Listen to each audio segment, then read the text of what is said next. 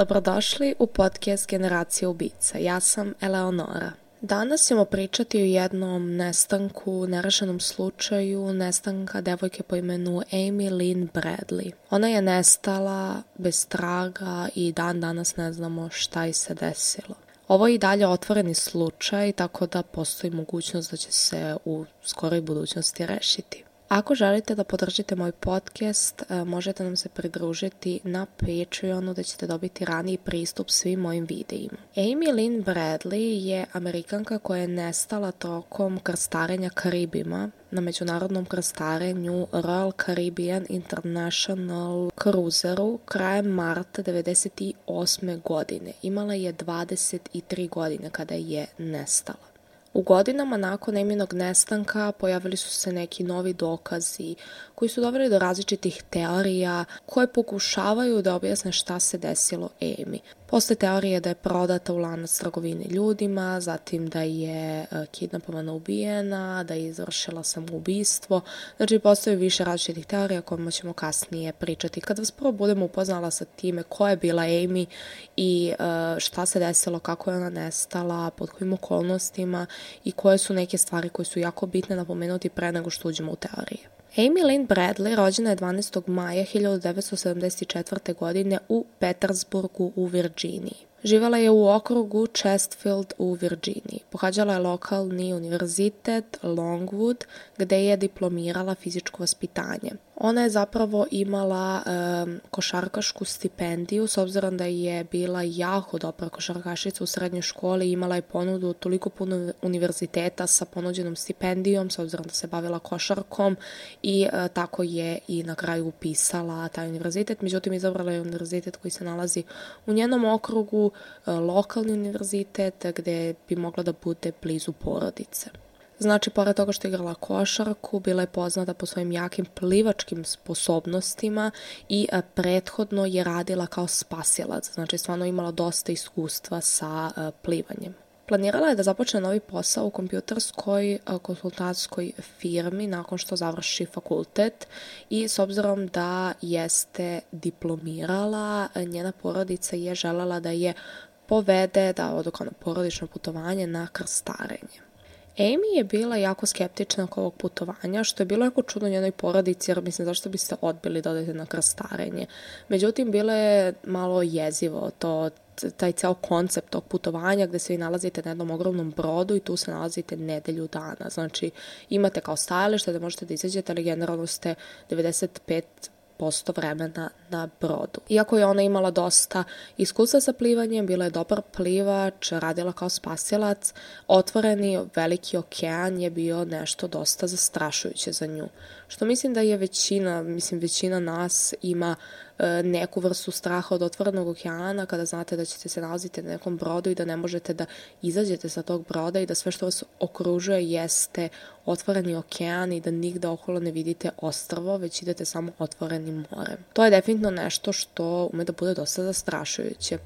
Ovaj kruz je išao, kretao od e, San Juana, Porto Rika i e, imali su nekoliko svratišta, svraćali su na Rubu, kao i u Curacao, što je holandsko-karibsko ostrvo. Znači, putovali su tim delom, e, obilazili Karibska ostrva i e, put je trebao da traje nedelju dana. Plan je bio da idu Emini roditelji kao i njen brat. Posle nekoliko dana premišljanja i razmišljanja Emi je odlučila da ipak pristane da ode sa svojom porodicom na ovaj kruz. Mislila je da bi bilo zabavno i da će prevazići taj svoj strah od otvorenog mora. 21. marta 1998. Emi i njena porodica su se ukrcali na krstarenje prema Kurasao, što je bilo njihovo finalno odredište, nakon čega bi se okretali i vraćali, vraćali nazad e, u Puerto Rico. Već sam napomenula, ali čisto da opet napomenem da je e, ovaj brod, ovo krastaranje bilo organizovano od Royal Caribbean firme i generalno te sve firme koje organizuju kruzeve i ta putovanja su 90% slučaja jako skeči i postoji puno jako uh, uznemiravajućih priča sa ovakvih sličnih kruzera i sličnih kompanija gde su ljudi nestajali, um, kupili svoj život i uh, prosto su uvek setim slučaja, ne znam da li ste e, čuli za, za slučaj gde je jedna ovakva vrsta kruzera vodila svoje um, mušterije, da tako kažem, ljude koji su bili na, na kruzeru na jedno ostrvo da vide,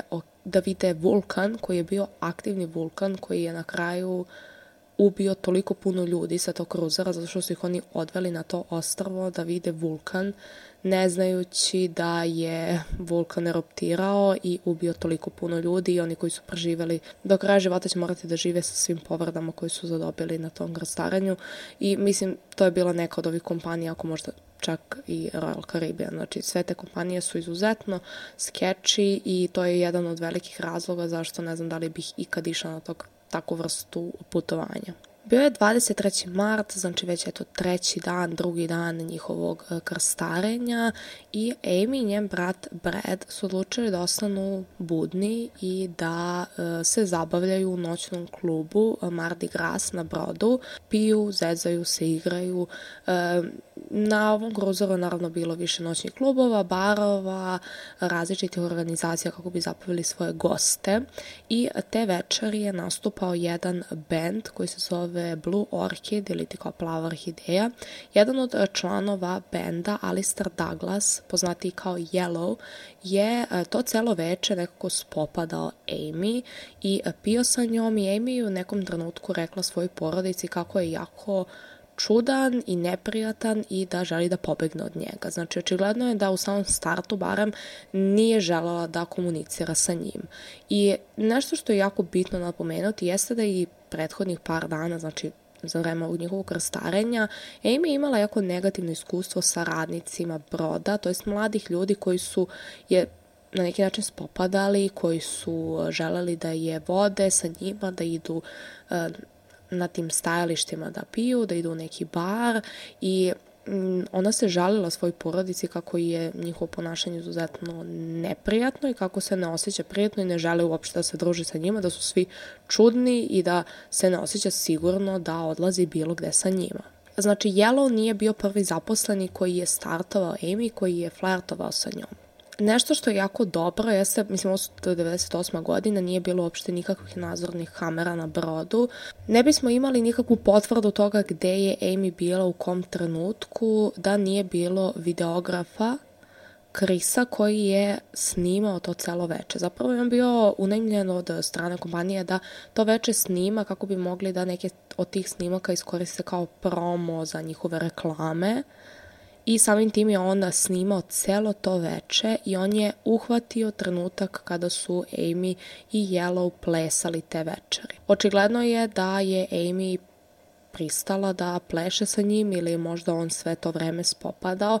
E, na više različitih snimaka može se njih dvoje vidjeti zajedno. E, nakon što su Emini i Bredovi roditelji otišli da spavaju, oni su nastavili da žurkaju, da obilaze e, te noćne klubove i na snimku se dva puta vidi Amy kako igra sa Yellowom, sa Yellow i u jednom snimku igraju onako jedan puta drugog stoje, onda u sledećem snimku se već neko pribijaju jedno uz drugo i izgleda kao da, ne znam, možda je Amy popela dovoljno da je je postao tolerantan, ne znam, ali očigledno da su plesali zajedno i navodno Yellow je napustio e, zabavu oko 1 ujutro, otišao je u lift za zaposlene i nije siguran e, šta se desilo sa Amy nakon toga. Amy i Brad su otišli u drugi noćni klub nakon ovoga i uh, Brad isto vidio na snimku kako igra s nekim uh, devojkama u tom drugom klubu. On je odlučio da uh, ode do njihovog apartmana u 3.35. Kompjuterizovani sistem zaključavanja vrata zabeležio da se Brad vratio u kabinu u 3.35 ujutro. Amy je došla samo 5 minuta kasnije i on i Amy, znači Brad i Amy su sedeli zajedno na balkonu, apartmani, razgovarali i pušili.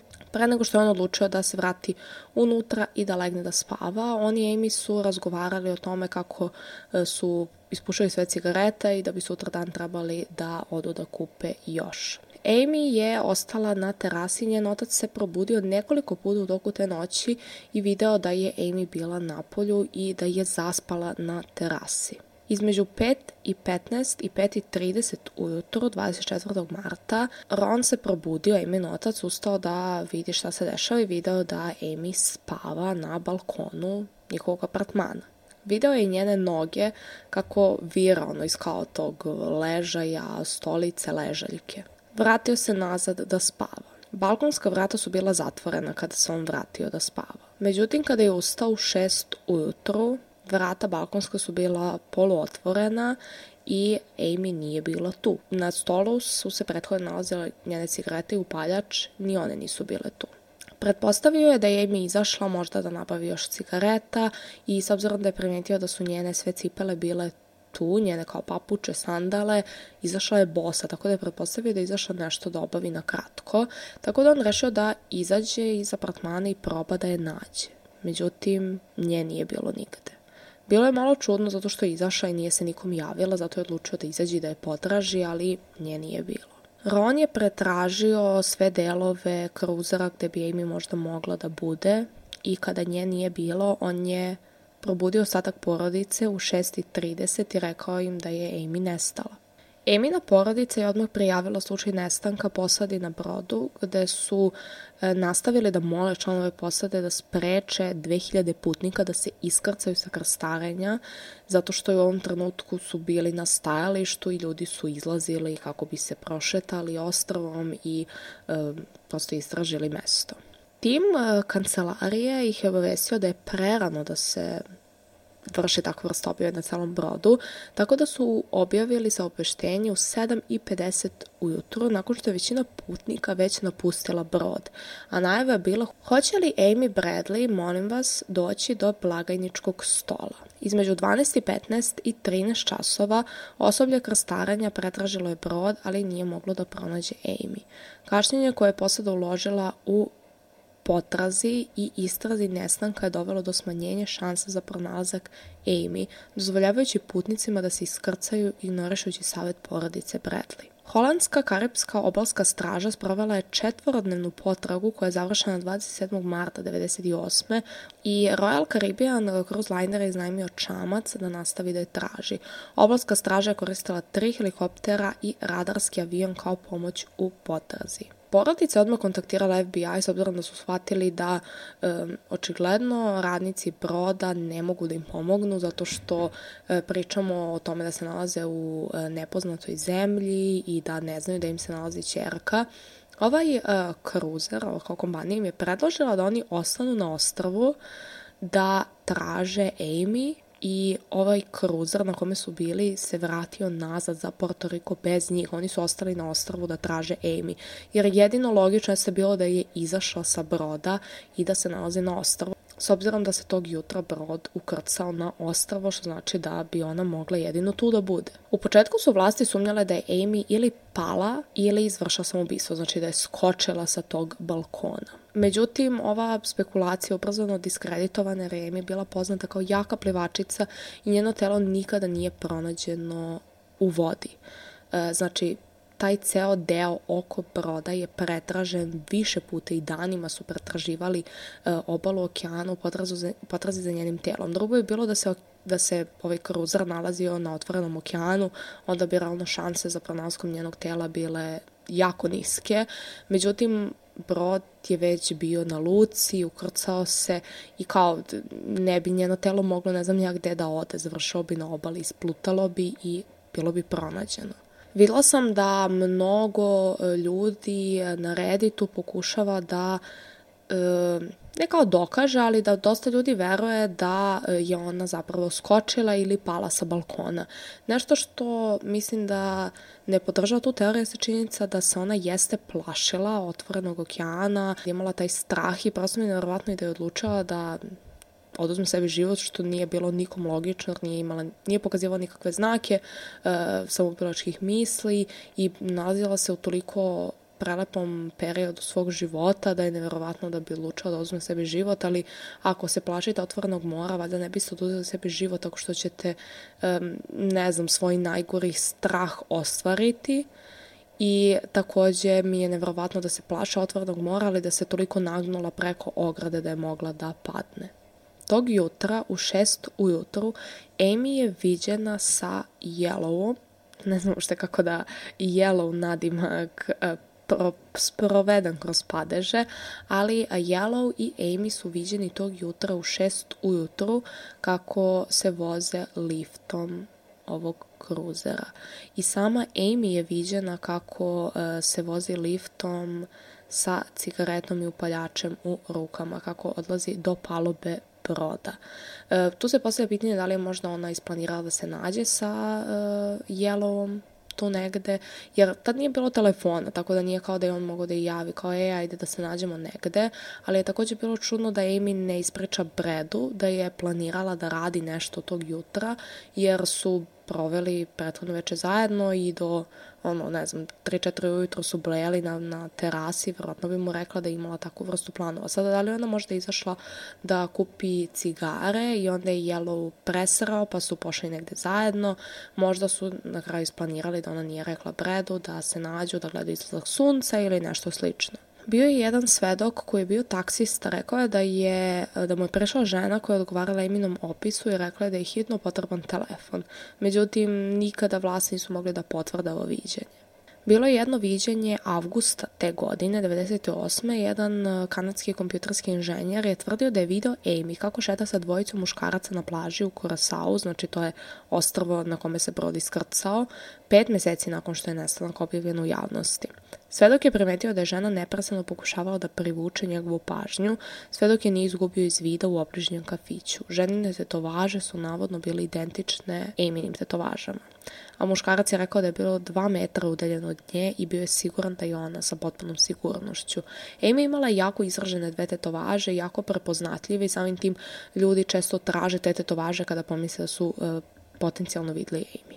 Takođe je bilo jedno viđenje 99. godine gde je jedan podoficir američke mornarice tvrdio da je video ženu koja je odgovarala uh, opisu Amy Bradley u javnoj kući u Kurasao. Rekla mu je da je njeno ime Amy Bradley i molila ga za pomoć. Objasnila mu je da je tu držana protiv svoje volje i da i nije dozvoljeno da ode. On e, ovo nije prijavio ranije, znači prijavio je ovaj incident posle nekog vremena zato što se plašio za svoju karijeru u mornarici zato što je bio u javnoj kući. On je kontaktirao Eminu porodicu tek nakon što se penzionisao i kada više ove informacije ne bi mogla da utiče na njegovu karijeru i video je Eminu sliku u časopisu. Meni je prosto nevjerovatno da je on bio spreman da žrtvuje nečiji život zarad svoje karijere. Mislim da znate čak i da ta devojka nije bila Amy i da je to bio način da, ne znam, privuče njegovu pažnju i da proba da ga natera da i pomogne, e, da je on odlučio da izabere svoju karijeru, pored toga da pomogne jednoj mlade ženi koja je očigledno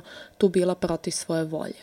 Postoje još jedno potencijalno viđenje u martu 2005. godine kada je uh, svedok uh, po imenu Judy Maurer tvrdila da je videla uh, Amy u toaletu robne kuće u Barbadosu.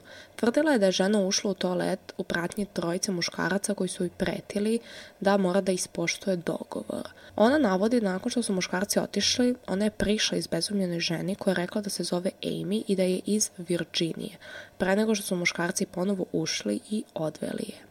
Judy je pozvala vlasti i oni su napravili e, kompozitne skice trojice muškaraca i žene na osnovu njenog naloga. Na ovim slikama definitivno postoji mogućnost da ovo jeste Amy bila.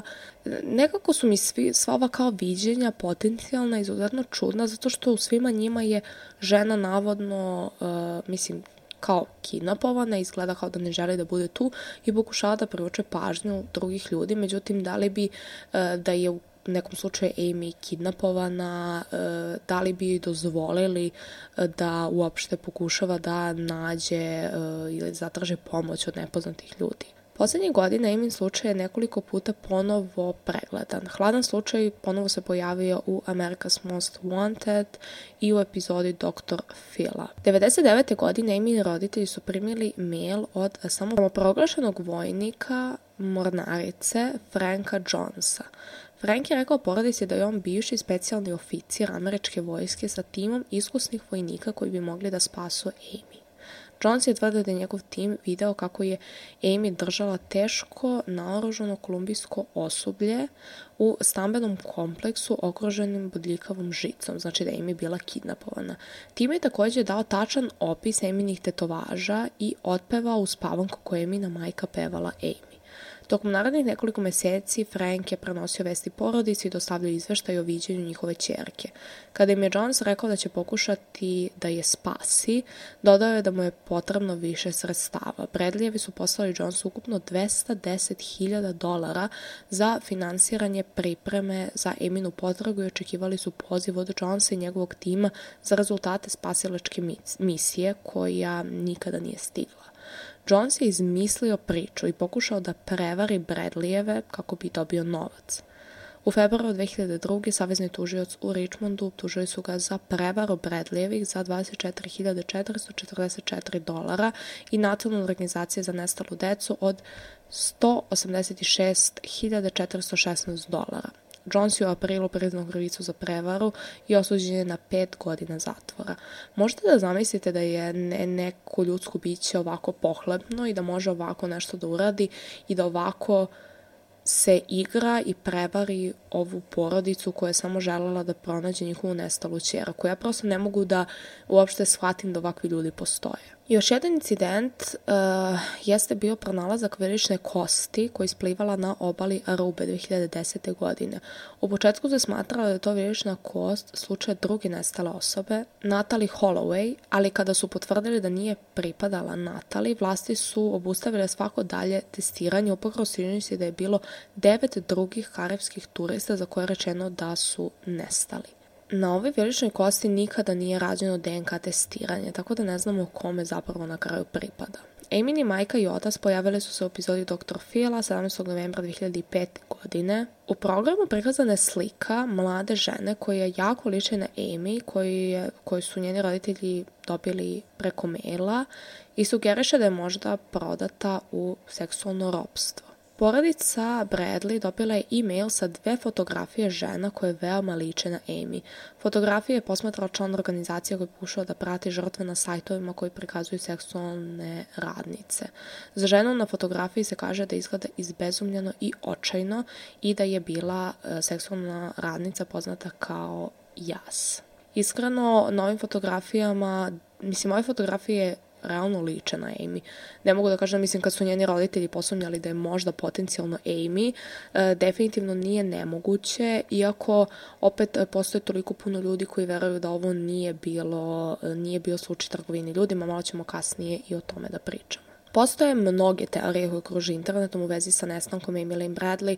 E, kada neko ovako nestane bez, bez traga i glasa i ne znamo šta im se desilo, e, ne možemo da potvrdimo da li je bilo ubistvo, da li je bilo samoubistvo, da li je bila kidnapovana, e, da li je danas živa, gde se danas nalazi ili je možda čak te 98. preminula.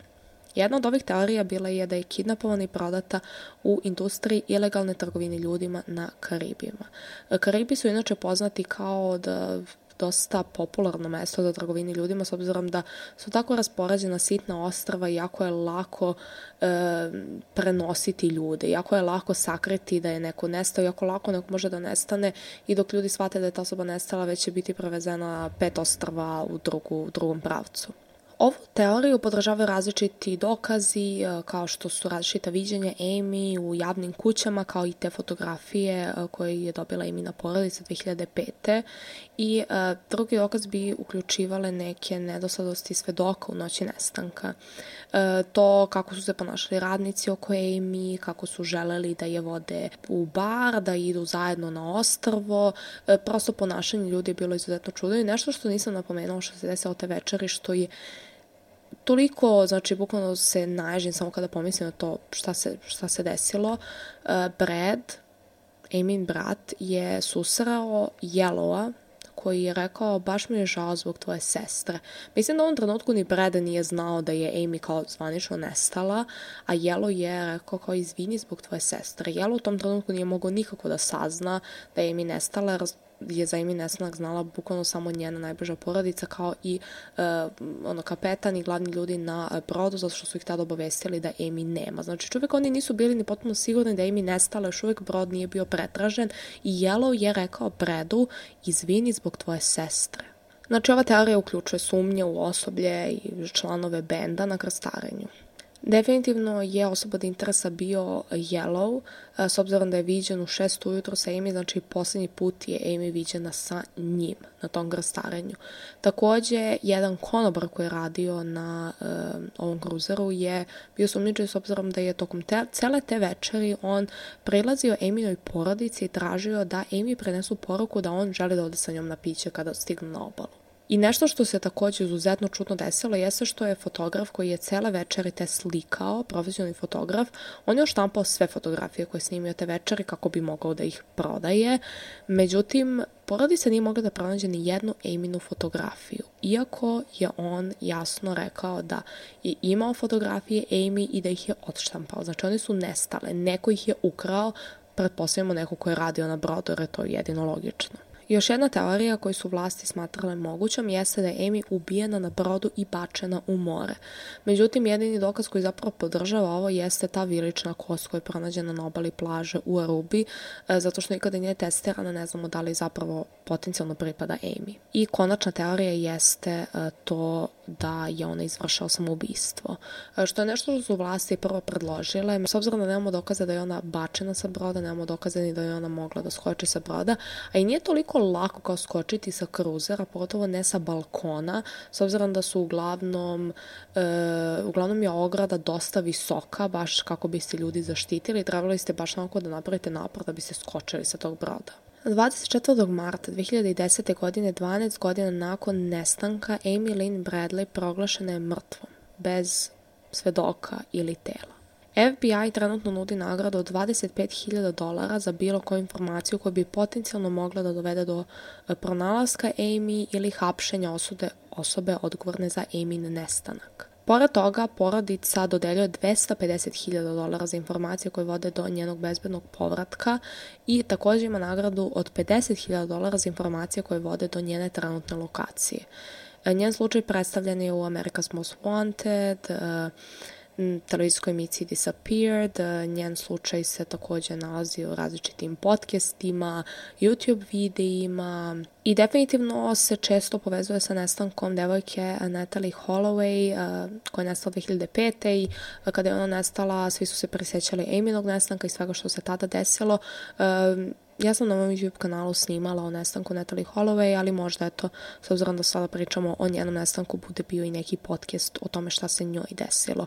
Uh, hoću da vam pročitam samo pre nego što uh, malo krenemo da diskutujemo šta bi moglo da se desi, uh, šta je to što je porodica izjavila i koju poruku ima za sve nas i za sve ljude koji potencijalno imaju neke informacije. Znači, pored toga što nude nagrade, Uh, znači 250.000 dolara za informacije koje vode do imenog bezbednog povratka i 50.000 dolara za informacije koje vode do njene lokacije i a, takođe, pored toga i FBI isto nudi nagradu od 20.000 dolara. Amy, naša prelepa 23-godišnja čerka, je nedavno diplomirala na fakultetu. Nestala je na Karibima 24. marta 1998. godine. Moj muž, Sin, Amy i ja smo kao porodica lagano putovali za vreme njenog nestanka. Kruzer je bio u pristajanju u Luci Curacao na holandskim Antilima. Opet postoje toliko mnogo pitanja koje zahtevaju odgovore.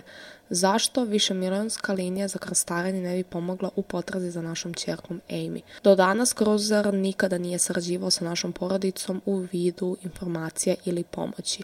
Jedine poznate činjenice koje imamo su moj muž i ja smo krenuli na krstarenje sa naše tvoje dece i vratili se kući bez naše čerke Amy. Njen brat Brad se vratio kući u Virginiju bez sestre.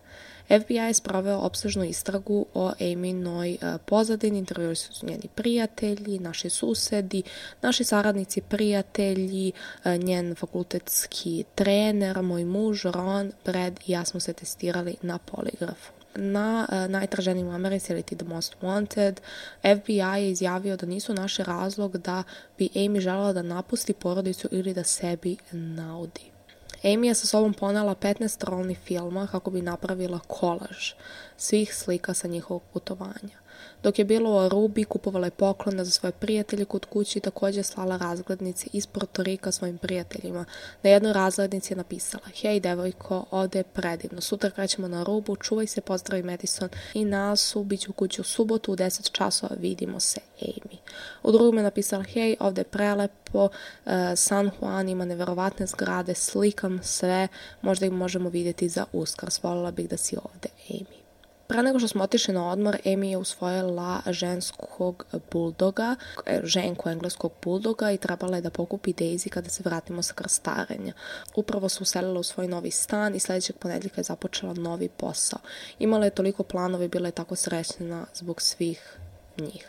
Od trenutka njenog nestanka nastavili smo da tragamo za našom čerkom i tražimo odgovore kako da je pronađemo. Veruje se da postoje određeni pojedinci na Karibima, možda čak i u Južnoj Americi koji znaju za imi nestanak. Sve što želimo je siguran povratak naše čerke.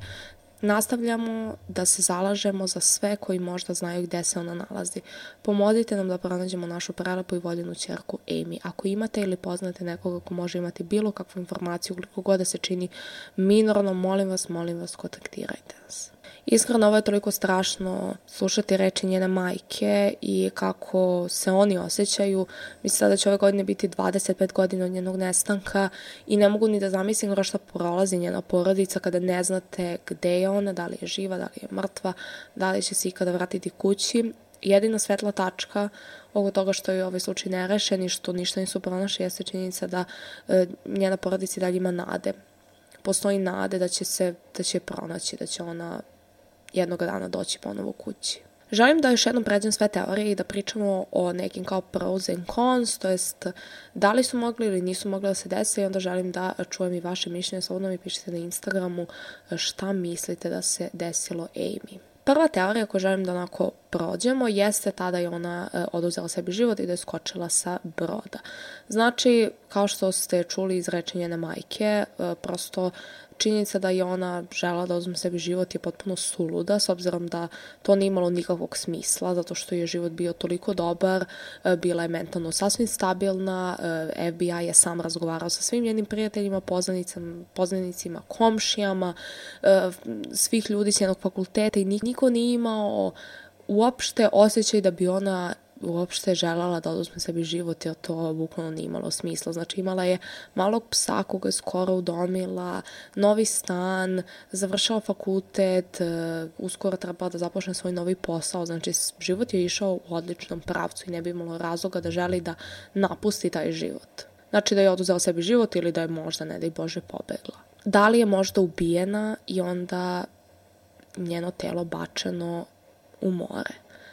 Kao što sam rekla, u tom trenutku, znači ona je viđena kada se brod ukrcao na ostrvo, što znači da, da je neko nju ubio i bacio njeno telo. Njeno telo bi najvjerojatnije bilo pronađeno, prosto bi bilo nemoguće da ne bude pronađeno. Mislim, more, telo bi završalo na obali, ne bi imalo baš gde da ide, ne bi otišao ne znam nija gde.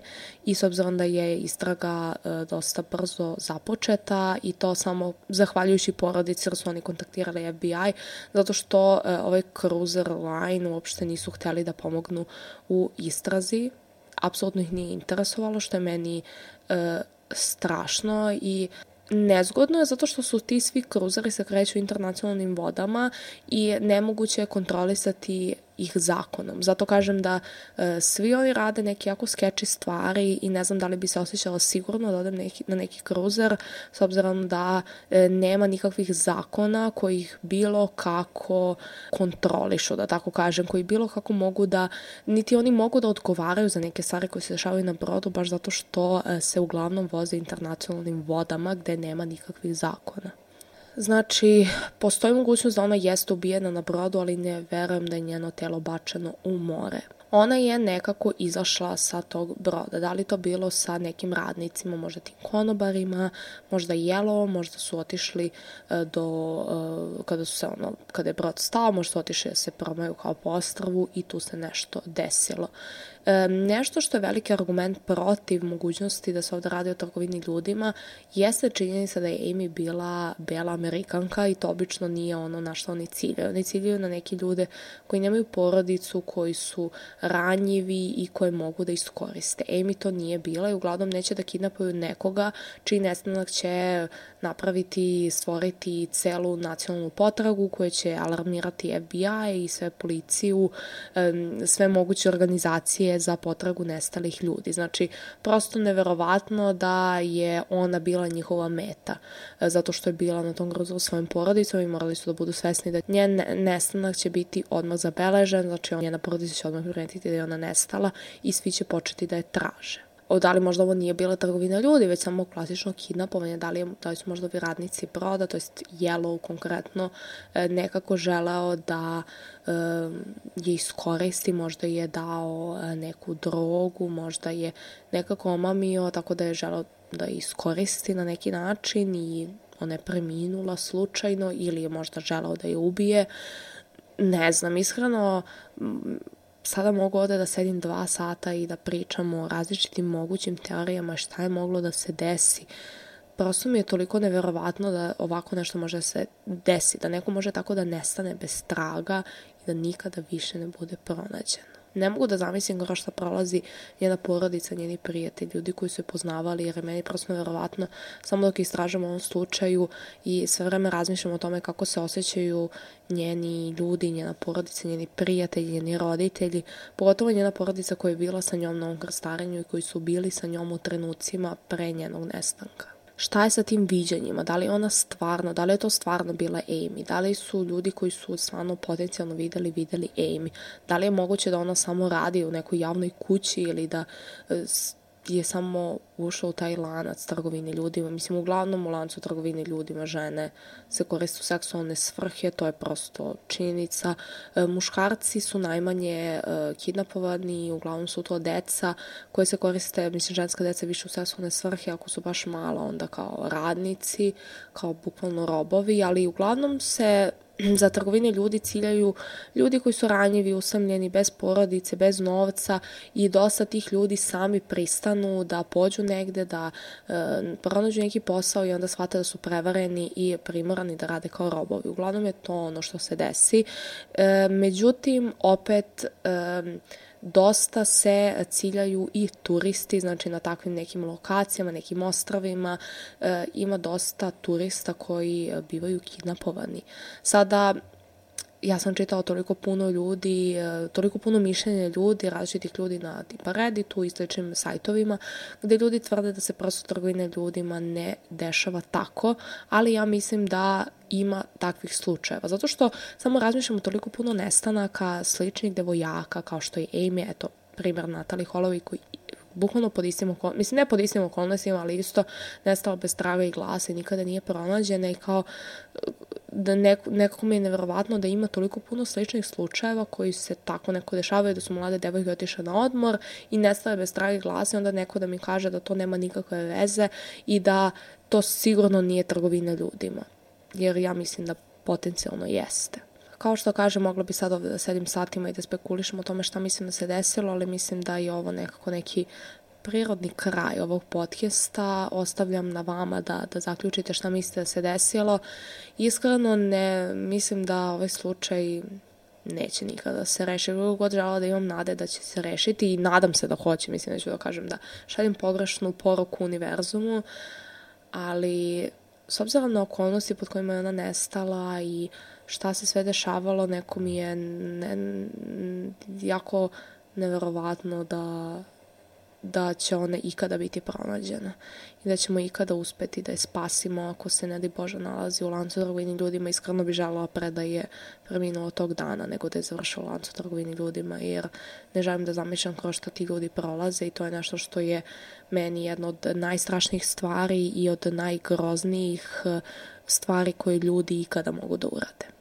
Uglavnom, to bi bilo to što se tiče današnjeg podcasta. Ako želite da podržite moj podcast, kao što sam rekla na početku, možete me zapratiti na Patreonu i a, takođe zapratite moj YouTube kanal, Eleonora Vojnovski, ako želite e, još ovakvog kontenta, kao i a, moj Instagram i TikTok, takođe Eleonora Vojnovski, a mi se vidimo sledeće nedelje sa novom epizodom i ako imate možda nekih predloga za naredne podcaste, možete slobodno mi pišete na Instagramu. Hvala vam puno zato što ste slušali i vidimo se uskoro sa novim epizodom. Ćao!